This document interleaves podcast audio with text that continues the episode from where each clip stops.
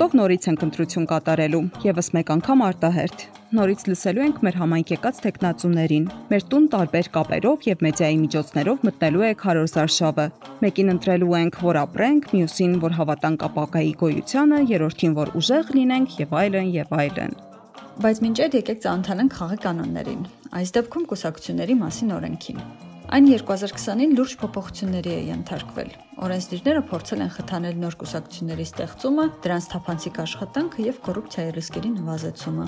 Խորանալու թեմայի այս թողարկման ընթացքում կքննարկենք կուսակցությունների մասին նոր օրենքը։ Կփորձենք հասկանալ, թե ինչն է փոխվել եւ ինչն է կիրառվելու արտահերթ խորհրդարանական ընտրությունների ժամանակ։ Թեմայից մեզ կօգնի գլուխ անել Աղասի Եսայանը։ Նա ընտրական համակարգերի միջազգային հաստատության IFS-ի հայաստանյան մասնաճյուղի ընտրությունների ավակ մասնագետն է եւ մասնակցել է այս օրենսդրական փոփոխությունների մշակմանը։ Մենք Մեդիայեմի փաստը շտուկող լրագրողներն ենք։ Ես Կարինե Ղազարյանն եմ։ Ես Արշալույս Բարսեղյանը։ Գնացինք։ Մաս առաջին։ Ինչ է կուսակցությունը եւ ինչպես է այն գործում։ Գիտես քանի կուսակցություն կա Հայաստանում չգիտեմ, շատ։ Հա, շատ 104։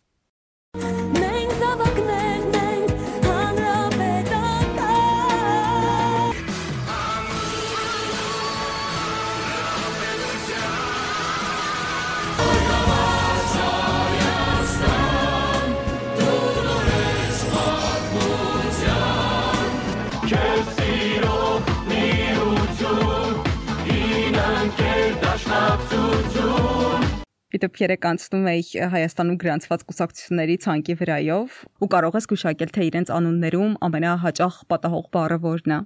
Ազգային համարյա դա երկրորդ տեղում է. ամենաշատը Հայաստան բառն է, հետո ազգայինը, հայրենիքը ու ժողովրդավարականը։ Լավ, կուսակցությունների անունները մի կողմ, արի մի քիչ ավելի լուրջ բաներից խոսենք, սահմանում, գործառույթներ ու այլ կարևոր բաներ պատմում եմ ինչ է կուսակցությունը, չնայած պատկերացնում եմ, որ հեսա բոլորը ծպացնելու եք, որովհետև գիտեք այն ինչ է, բայց եկեք մի քիչ ավելի մանրամասն քննարկենք։ Ուրեմն օրենքը նշում է, որ կուսակցությունը ոչ առևտրային կազմակերպություն է, որը ստեղծում են Հայաստանի քաղաքացիները երկու նպատակով։ Առաջինը դա ընտրություններին մասնակցելն է, երկրորդը որևէ այլ ձևով ժողովրդի քաղաքական կամքի ձևավորմանն ու արտահայտմանը նպաստելը։ Կուսակցություն ստեղծելու համար քաղաքացիները անցկացնում են հիմնադիր համագումար, որին ըստ նոր փոփոխությունների նախկին 100-ի փոխարեն պետք է մասնակցի առնվազն 300 հիմնադիր անդամ։ Չնայած հիմնադիրների թվի աճին նոր փոփոխություններով կուսակցությունների գրանցումը հեշտացվում է։ Այժմ գրանցումը կատարվում է 1 փուլով նախկին 2 փուլի փոխարեն, Գրանցման պահին կուսակցությունները պետք է ունենան 300 անդամ նախքին 800-ի փոխարեն, ու այլևս չի գործում Երևանում եւ 3 կամ 4 մարզերում անդամների ներկայացվածության ու տարածքային ստորաբաժանումներ ունենալու պահանջը։ Այսինքն Հայաստանում կուսակցություն ստեղծելը ավելի հեշտ է դառնալու։ Ահա, սա կուսակցությունների մասին նոր օրենքի երևի գլխավոր փոփոխություններից մեկն է։ Հիմա շատերը կասեն արդեն 100 100-ից ավել ունենք, էլ ինչի ենք այս ամենը խթանում։ Իրականում ինձ էլ էր որ ճիշտն ասեմ այդ հարցը տանջում, դրա համար այն տվեցի նոր օրենքի փոփոխությունների մշակման աշխատանքներին մասնակցած փորձակետ Աղասի Եսայանին։ Դե սկսենք դրանից, որ կուսակցություն գրանցելը դա ամիջական առողջություն ունի հիմնարար ազատություններից մեկի միավորում ստեղծելու ազատության հետ, հա որը երաշխավորված է սահմանադրությամբ եւ որը բնականաբար սահմանափակել չի կարելի։ Եթե տրամաբանությամբ էլ ուրեմն փոփոխությունները կատարվել են այն նպատակով, որպեսզի մաքսիմալ ազատականացվի process-ը եւ արհեստական խոչընդոտներ չստեղծեն կուսակցությունների առաջ։ Օրինակ, ինչ է կատարվում նախկինում, հա, գոյություն ուներ այսպիսի պահանջ ունենալ մարզային ստորաբաժանումներ կամ որոշակի ներկայացվածություն մարզերից կուսակցությունը, որ ասենք հետարկված է միայն տեղական ինքնակառավարմամբ, ստիպված էր ուրեմն գրանցվել որպես կուսակցություն եւ մարզերում նաեւ ունենալ տորաբաժանումներ։ Միայն այն պատճառով հաղթի վրա որպեսի ելևա որ նա բավարարում է օրենքի մինիմալ պահանջը եւ դրանով ուրեմն գրանցվում է եւ մասնակցում է դիմադրություններին։ Ենթադրենք ես ու դու ու եւս 298 մարդ համախոհներ որոշում են կուսակցություն բացել, որ դեպքում կարող են մեզ թույլ չտալ դա անել։ Կուսակցություն գրանցելու համար քաղաքացիները դիմում են ներկայացնում արտահայտության նախարարություն։ Գրանցումը կարող է մերժվել, եթե կուսակցության կանոնադրության կամ ծրագրային դրույթները ուղղված են սահմանադրական կարգի բռնի տապալմանը։ Ու եթե նման բռնի տապալման միտում չունենք, արդեն մենք մեր գլխի տերն ենք, մենք ենք որոշում կուսակցությունը ինչպես է լինելու, ինչ կառուցվածք է ունենալու։ Դե հա, ներքին կառուցվածքի ու գործունեության մասին որոշումները կուսակցությունները ինքնուրույն են կայացնում, բայց մի քանի չի կարելիներ կան, հա։ Օրինակ կուսակցությունների կառուցվածքը եւ գործունեությունը չի կարող հակասել ժողովրդավարական սկզբունքներին։ Արգելվում է խտրականությունը կախված սեռից, ռասայից, մաշկի գույնից, ինչպես նաեւ կուսակցությունների ներսում պետք է կանանց եւ տղամարդկանց միջև փաստացի հավասարության խթանում լինի։ Իսկ բոլորը անկախ մասնագիտությունից ու պաշտոնից կարող են կուսակցական լինել։ Այստեղ էլ չի կարելիներ կան, կուսակցության անդամ օրինակ չեն կարող լինել դատավորները, դատախազները, քննիչները,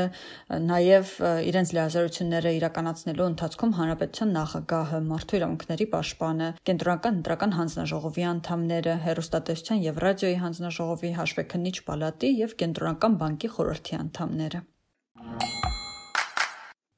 Օրենքը սահմանում է կուսակցական գործունեության նաև այլ սահմանափակումներ։ Այդպես արգելվում են պետական կազմակերպություններում, օրինակ քաղաքապետարաններում, մարզպետարաններում, դպրոցներում կուսակցությունների ստորաբաժանումների տեղակայումը եւ հակառակը։ Պետական կազմակերպությունները չեն կարող գտնվել կուսակցություններին պատկանող շինություններում։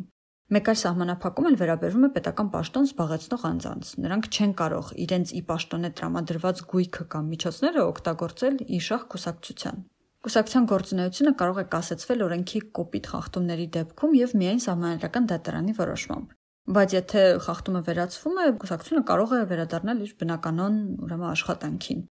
Կուսակցության գործունեությունը կարող է առհասարակարգելվել միայն մեկ դեպքում. եթե այն քարոզում է սահմանադրական կարգի բռնի տապալում կամ բռնություն է կիրառում սահմանադրական կարգը տապալելու նպատակով։ Մենք այսօր հունիսի 20-ին պետքա գնանք կտրական տեղամասեր եւ բարձր առնվազն 60%-ով արձանագրենք, որ ապագա կա։ Մենք առաջարկելու ենք աշխատող երկրի կոնցեպտը։ Նորից երկիրը վերածելու ենք շին հրաապարակի։ Թող յուրաքանչյուրը քվեարկի խղճի մտոք, այդպես ասեմ, ի՞նչ ասեմ։ Մաս երկրորդ. Եթե կուսակցությունը ոչ առևտրային կազմակերպություն է, որտեղից էին գումար ստանում իր գործունեության համար։ Ուրեմն ինչպես են կուսակցությունները ֆինանսավորում, արի թվարկենք անդամավճարներ, անդամ դառնալու, այսինքն մուտքի վճարներ, նվիրատվություններ, պետական ֆինանսավորում։ Բացի դրանից կուսակցությունները կարող են եկամուտ ստանալ իրենց հիմնած լրատվամիջոցից կամ հրատարակչությունից, վարկեր վերցնել եւ ավանդներ դնել Հայաստանում գործող բանկերում։ Այսինքն եկամուտ ստանալու ճանապարհները քիչ չեն, բայց նոր օրենքը փորձելու է կուսակցություններին ստիպել ավելի թափանցիկ ներկայացնել իրենց եկամտի աղբյուրները եւ այդպիսով նվազեցնել կոռուպցիայի ռիսկերը։ Ճիշտ է, այս փոփոխությունների մեծ մասը ուժի մեջ կմտնի 2022 թվականից, բայց արի կարճ դրանք քննարկենք։ Եթե ամփոփենք թե ինչ փոփոխություններ են կատարվել ես կասեի, որ դա դերքի ժողովրդավարության խթանումն է եւ ամրագրումն է կուսակցությունների մասին օրենքով, որ կոլեգիալ ղեկավարումն է, շատ կարևոր եմ համարում ուրեմն այն հանգամանքը, որ հերթական զրույցների ժամանակ տեխնացուների ցանկը կազմում է կուսակցության բարձրագույն մարմինը, դա իր անդամների ժողովն է, անդամներն են որոշում կամ ամիջականորեն կամ իրենց պատվիրակների միջոցով, ընդ որում գախնի եւ փակ քվեարկությամբ ֆինանսավորման հետ կապված հարցերն են աղբյուրների հստակեցումը Կուսակցությունների եկամտի գլխավոր աղբյուրը թերևս նվիրատվություններն են ու անդամավճարները։ Նոր փոփոխություններով պահանջվում է, որ 1 տարում կուսակցությանը տրվող անդամավճարների, նվիրատվությունների եւ մուտքի վճարների չափը ընդհանուր չափը չգերազանցի 500 միլիոն դրամը։ Ընդ որում, 1 ֆիզիկական անձի դեպքում տարեկան այն չպետք է գերազանցի 2.5 միլիոն դրամը։ Եթե կուսակցությունը օրենքով սահմանված առավելագույն չափը գերազանցող նվիրատվություն է ստանում, ապա թույլատրելի գումարը գերազանցող մասը պետք է վերադարձնի նվիրատուին, իսկ եթե դա հնարավոր չէ, պետք է փոխանցի պետական բյուջե։ Պետական բյուջե են փոխանցվում նաև արգելված նվիրատվությունները։ Իդեպ արգելված նվիրատվություն է համարվում նաև կուսակցությանը հատուկ արտոնյալ պայմաններով վարկ տալը կամ ավանց ձևակերպելը։ Նույնը վերաբերում է կուսակցության գույքի վաճառքին եւ վարձակալությանը, եթե դրանց գինը շուկայականից տարբերվում է 20%-ը գերազանցող չափով։ Լավ, իսկ ցանկացած անձ կարող է նվիրատվություն կատարել իր նախընտրած կուսակցությանը։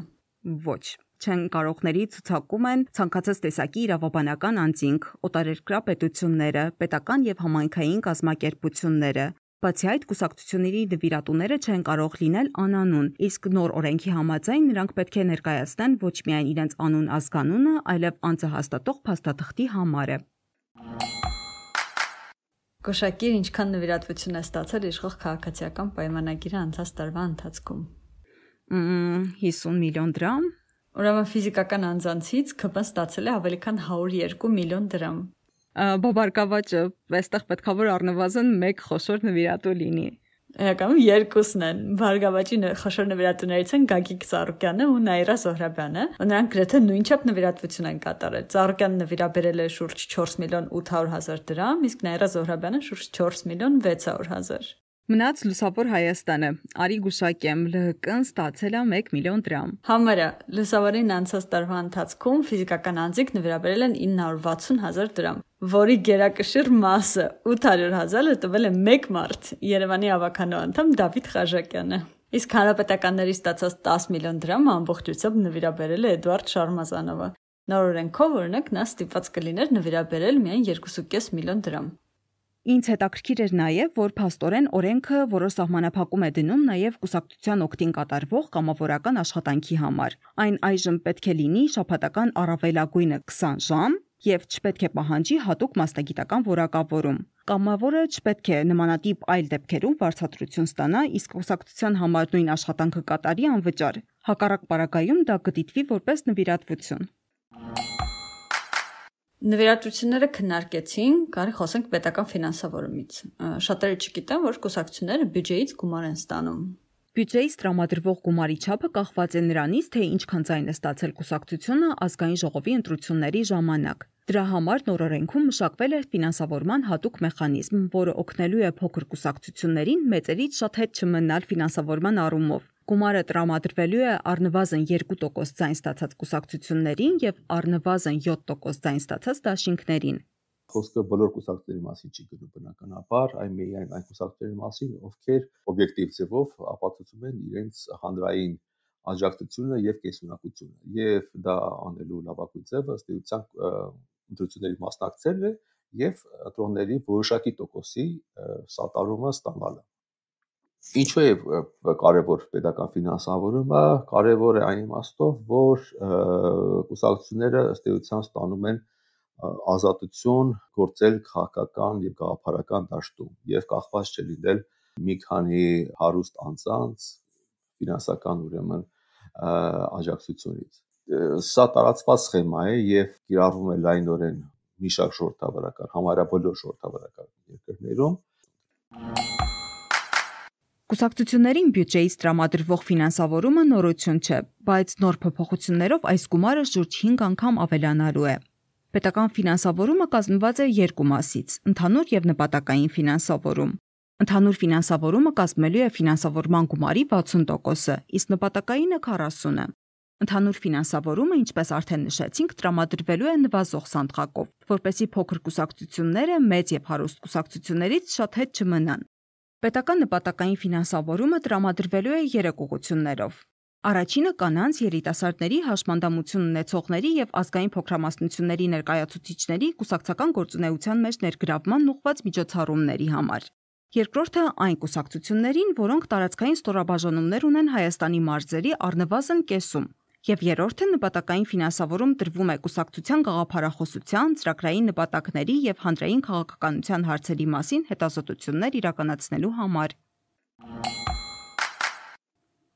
նայելիս աչքովս ընկան մի քանի հետաքրքիր փոփոխություններ, որոնք այսպես ասած հակակոռուպցիոն ուղղվածություն ունեն։ Նախ որ առհասարակ փոխվում է կուսակցությունները վերահսկող մարմինը։ Առաջ դա կենտրոնական ընտրական հանձնաժողովի վերահսկիչ վերստուգիչ ծառայություններ, իսկ հիմա կոռուպցիայի կանխարգելման հանձնաժողովն է լինելու։ Բացի այդ, նոր օրենքի համաձայն կուսակցությունները կարող են բանկային հաշիվներ ունենալ միայն Հայաստանում գործող լիցենզավորված բանկերում, եւ բոլոր գործարքները պետք է լինեն անկանխիկ։ Այսինքն, օրենքը արգելում է կոռուպցիայի շրջանառման ամենաօգտագործվող մեխանիզմներից մեկը՝ կանխիկ փողով գործարքները։ Օտարերկրյա բանկերում հաշիվներ ունեցող կուսակցությունները պետք է փակեն դրանք։ Օրենքը նաև պահանջում է, որ կուսակցությունները ամեն տարի կոռուպցիայի կանխարգելման հանձնաժողով հաշվետվություններ ներկայացնեն ֆինանսական միջոցների, ծախսերի, իրենց պատկանող գույքի եւ այդ ամենի ցակման աղբյուրների մասին։ Նախկինում էլ այս հաշվետվությունները պետք է ներկայացնեին, բայց նոր օրենքը կետ առ կետ նշում է, թե ինչ տեղեկություն պետք է պարունակի տարեկան հաշվետվությունը՝ կոմունալ վճարներից մինչև ստացած նվիրատվություններ։ Մեկ այլ կարևոր փոփոխություն էլ այն է, որ կուսակցության ղեկավարները 2022 թվականից սկսած պետք է հայտարարակներ ներկայացնեն կոռուպցիայի կանխարգելման հանձնաժողով։ Կարճ ասած, հետաքնող լրագրողներին այս օրենքը շատ դուր կգա։ Վերջապես կուսակցությունները պարտադրված կլինեն բավականին շատ տվյալներ հրապարակել իրենց գումարային հոսքերի մասին, ինչը թույլ կտա լրագրողներին ավելի հեշտ հետաքննել նրանց գործունեությունը միանշանակ, բայց իրականում այս փոփոխությունների մեծ մասը գործելու է միայն հաջորդ տարվանից։ Հիմա հասկանանք, թե որոնք են գործելու այս ընտրությունների ժամանակ։ Թերևս միակ բանը, որ պետք է կուսակցությունները խոր կտան որ հաշվի առնեն, իրավաբանական անձիկ, այդ թվում նաև բարեգործական կազմակերպությունները չեն կարող ֆինանսավորել կուսակցություններին եւ գործում են արդեն նոր սահմանաչափեր բայց ամիջականորեն էլ եմ ասում ընտրություններին առնչվող փոփոխություն չի կատարվել հասկանալի պատճառներով որովհետեւ դրությունների արտահերտ են եւ սովորաբար նոմատիկ փոփոխություններ իրականացնելու համար անհրաժեշտ է լավագույն պրակտիկային հետևելով գոնե 1 տարի։ Գործելու է նաև պետական ֆինանսավորման տրամադրման նոր շեմը, այսինքն կուսակցությունները երկու դաշինքները առնվազն 7% ցայն պետք է ստանան պետական աջակցություն ստանալու համար։ Այսպիսով կուսակցությունների մասին նոր օրենքով լուծվում է մի քանի առանցքային խնդիր։ Կուսակցությունների գրանցումը դառնում է առավել հեշտ, ֆինանսավորման աղբյուրները առավել թափանցիկ։ Խստացվում է հաշվետվողականությունը եւ վերահսկման գործընթացը։ Պատժամիջոցներ են ներդրվում։ Նվազել են նվիրատվությունների սահմանաչափերը։ Նոր փոփոխություններով այժմ կփորձեն խթանել կուսակցությունների գաղափարական գործունեությունը, սահմանափակել բիզնեսի եւ առանձին անհատների ազդեցությունը կուսակցությունների վրա։ Գուցե մարդ կուսակցություններից մի քիչ ավելի քիչ ունենանք։ Իհարկե օրենքը ամբողջովին ուժի մեջ կմտնի 2022 թվականից եւ առաջիկա արտահերտ ընտրությունների ժամանակ այս փոփոխությունների մեծ մասը դեռ չեն կիրառվի, բայց եւ այնպես այս օրենքը նախանշում է թե ինչպիսին են լինելու խաղի կանոնները կուսակցությունների համար առաջիկայում։ Նոր օրենքը հստակ ուղղվածություն ունի դեպի կոռուպցիայի ռիսկերի նվազեցում եւ ավելի ժողովրդավար կուսակցությունների ստեղծում։ Հունիսից հետո Հայաստանի քաղաքական դաշտում շատ բան կարող է փոխվել, նույնիսկ եթե գործող կառավարությունը վերընտրվի ու սպասենք տեսնենք, թե արդյոք արտահերթից հետո իշխանությունները հետևողական կլինեն այս փոփոխությունները կյանքի կոչելու գործում։ Այսքան այսօրվա թեբայի մասին։ Գտեք մեզ Google Podcast-ում, Apple Podcast-ում, լսեք եւ կարդացեք մեզ Media.am կայքում։ Եթե հավանեցիք podcast-ը, ապա կիսվեք ընկերների հետ։ Նաեւ գրեք մեզ podcast.media.am հասցեով եւ առաջարկեք թեմաներ, որոնց շուրջ կուզեք միասին խորանանք հաջորդ թողարկումներում։ Ցտեսություն։ Ցտեսություն։